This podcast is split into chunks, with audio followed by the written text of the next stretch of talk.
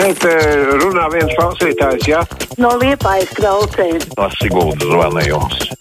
Es gribētu dzirdēt.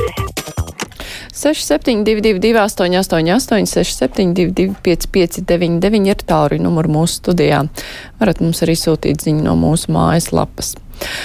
Klausītājs uh, raksta, ka tā kā skrēriterim nav spidometra un 25 km stundā cilvēkam var beigties letāli, tad ir jāsamazina absolūtais nomas ātrums uz 15 km stundā. Skrēritiņiem ir signalizācija pret zakšanu un apzakšanu, bet nav neskaņas signāla, ne rokšņa. Savukārt viens, viens, viens klausītājs raksta, es gan tā, viņš tā parupji ir uzrakstījis, ka tā ir plika muldēšana par laiku. Pabrauciet visu dienu, tad redzēsiet. Minūtes dienas sākumā ir stundas dienas beigās. Nu jā, ja kāds izmanto šos te nomas krediteņus, nezinu, kādai preču pārvedāšanai, tad tur var arī sakrāties laiciņš. Tā.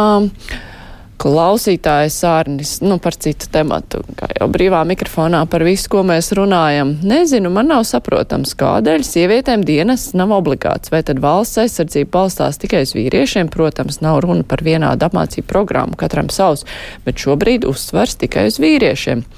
Mēs noteikti šo problēmu, ne, šo jautājumu apspriedīsim arī piekdien kopā ar žurnālistiem.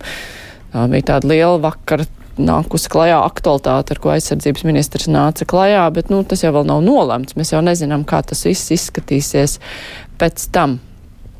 Klausītājs Armāns raksta, priekš Latvijas agresīviem braucējiem šis ir bīstams līdzeklis, kurš apdraud gan autobraucējus, gan kājām gājējus. Visbiedējošākais ir tas, ka cilvēki brauc pa diviem ar vienu braucamo. Vakar vien redzēja, kā māte ar meitu brauc uz vienu braucamo un redzēja, kā meitene nokrita no braucamā, jo ar vienu roku skatījās telefonu un ar otru turēja stūri. Jā, nu, tas pašaizsardzības instinkts, pašsaglabāšanās instinkta trūkums, par ko es minēju. Tas arī jauniem cilvēkiem ir vairāk izteikts, diemžēl. Labi, celšu klausulu. Labdien, brīvais mikrofons. Labdien! Labdien! Ziniet, man ir tāds ierosinājums sakarā ar 14. jūnija ministra kabineta noteikumiem attiecībā par piespiedu vakcināciju.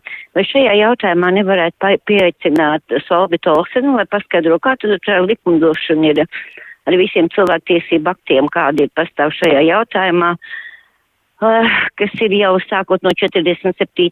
gada starptautiskie, vai mēs tos neesam parakstījuši? Paldies par ieteikumu. Temats, par ko var runāt. Tā klausītāja Velta raksta neatbalstu obligāto dienestu, atbalstu profesionālo armiju. Paldies par viedokli. Nu, es domāju, ka te par šo tēmatu tagad kādu laiku visi daudz runās. Brīvais mikrofons, labdien! Es arī gribu izteikt savu sašutumu par tiem uh, braucējiem, tiem velobraucieniem jauniešu. Uh, Viņi taču ne ar ko nerēķinās. Nu, pat pa ietvi vairs nav droši iet. Nu, tur taču kaut kāds noteikums vajadzētu, vai, ja pa to ietvi viņi tiešām brauc, nu, tad par ietves labo vai kreiso pusi, bet viņi pilnīgi līkumos ar cilvēkiem. Nu, taču briesmīgi, vairs nevar pa ielu pa, paiet. Nu, taču vienreiz jādomā tie velo īpašniekiem arī. Paldies! Jā, paldies. Nu, tie noteikumi jau ir. Tie ir uzra, tur ir skaidri un gaiši uzrakstīts, ka ja kāds brauc pa ietvi garām gājējam, vai nu, tur atrodas gājēji, tad viņam ir jāpārvietojas gājēja ātrumā. Diemžēl praksē mēs redzam, ka Nu, tas bieži vien nenotiek. Velospēds vēl ir tāds drusku skaļāks. Tur citreiz kaut kas gram, graba vai cilvēks tur minās, bet šie te elektrobraucamie klusi kā spoki pielavās un tad var arī sabīties. Tā kā, nu, jā, nu, cilvēku apzinības trūkums ir laikam tas, kas visvairāk ir pie vainas. Un arī tas, ka nav vietas, ka tā nabaga ietvi ir jādala starp gājējiem un braucējiem. Klausītājs zvana. Labdien, brīvais mikrofons. Sveicināt, Māra. Labdien. Es tikko noklausījos jūsu uh, diskusiju par tiem uh, braucamiem, un man izbrīnīja policijas pārvalda pārstāvi teiktais. Par ikvienu gadījumu cilvēkiem jāraksta policija, jo mēs policija nezinām, kas notiek uz ielām un tā tālāk. Nu, vai tas nav absurds? Ne, nu skaidrs, ka policija nevar atrasties visur un vienmēr, un uh, nevar gaidīt, ja ka katra negadījuma vietā jau būs policists. Tajā pašā laikā, nu, gribētos lielāku kontroli, taisnību sakot. Klausītājs zvana brīvais mikrofons. Labdien! Labdien! Es par tādu jautājumu par dzērāju šoferiem pēc Jāņiem bija uh, daudz uh, traģisku stāstu. Īstenībā uh, es atceros, mēs ar meitenēm jaunībā, trīs draudzēm bijām, nolikām.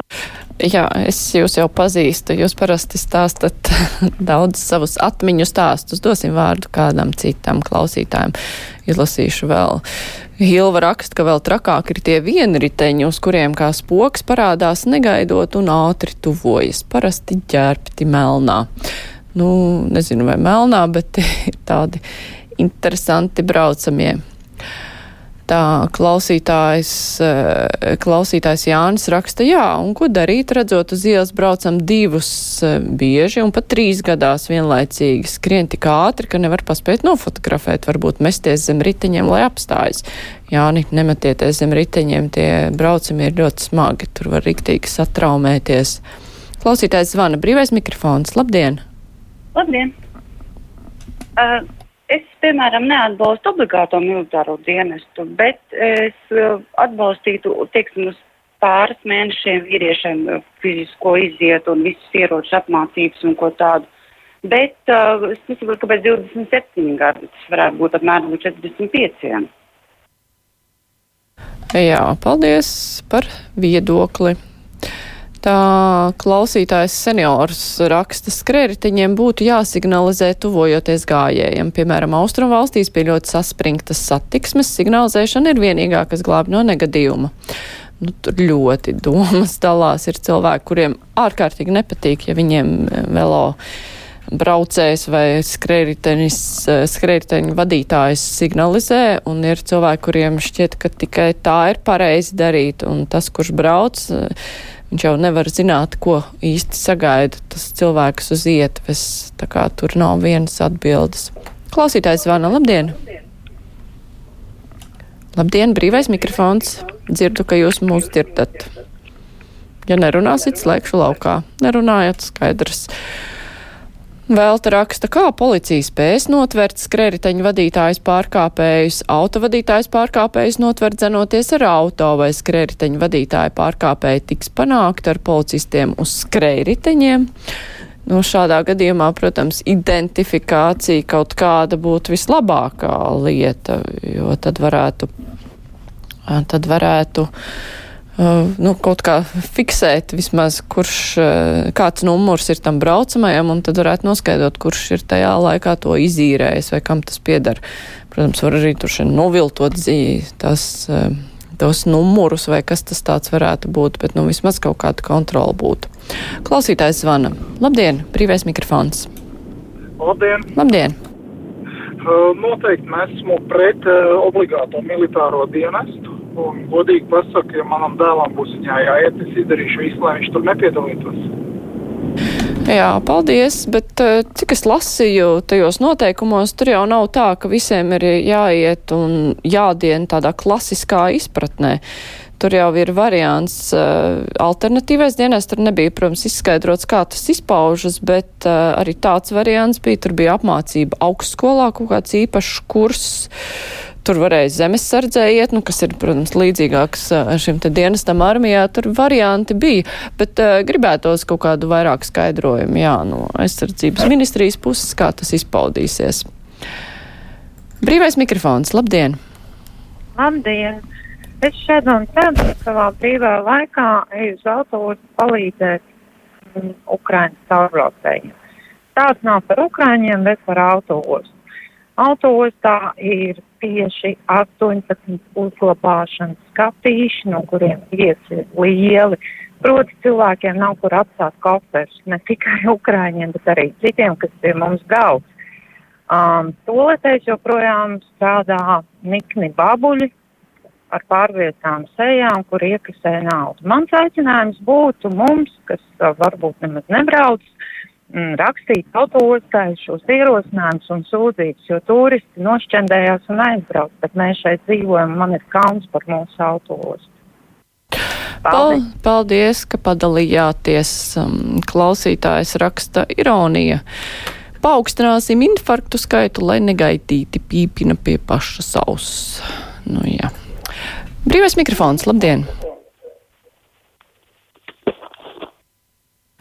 Pazuda klausītājs kaut kur pacelšu klausuli. Brīvais mikrofons, labdien! Labdien! Ziniet, kad es klausos par obligāto kara dienestu, jo mūsu e, ģimenē mēs seši bērni, mammai bijām visi vīrieši visu dienai. Es tikai gribu pateikt, ka patriotu pilna Latvija, tikai nav kas dzimtene mīl. Nē, nu, patriotu pilna Latvija gan jau ir arī kas dzimteni mīl, bet, e, nu, jā, paldies par savu piebildi tā pacelšu vēl klausī, klausulī, brīvais mikrofons. Labdien! Nu, beidzot. Interesanti, kas jums tur noticis. Vakar visu dienu tīkli brīvi, un neviens neņēma, un jūs arī šodien es jau visu laiku pie telefonu, un visu laiku tīklis ir tas brīvs, un tā beidzot jūs pacēlāt. Jā. Vai ir vēl kāds trešais numurs? Vakar abi tīkla brīvi, zvanīju uz Tele2, kas ir noticis, ka zvanu tīkla brīvi abiem telefoniem un dzirdu, ka kāds atbild. Nu jā, bet uh, ar to arī brīvajam mikrofonam atvēlētais laiks ir beidzies. Un jā, nu nav mums uh, trešā telefona. Es saku paldies klausītājiem, kuri zvanīja, paldies klausītājiem, kuri rakstīja. Raidījums kruspunktā ar to šodien arī izskan. Pateikšu tikai īsi, ka rīt mēs iztaujāsim RB Real izpildu direktoru Agni Driks, nu tā kā runāsim par Real Baltica. Raidījuma producents Filips Lastovskis studijā bija Mārija Ansone.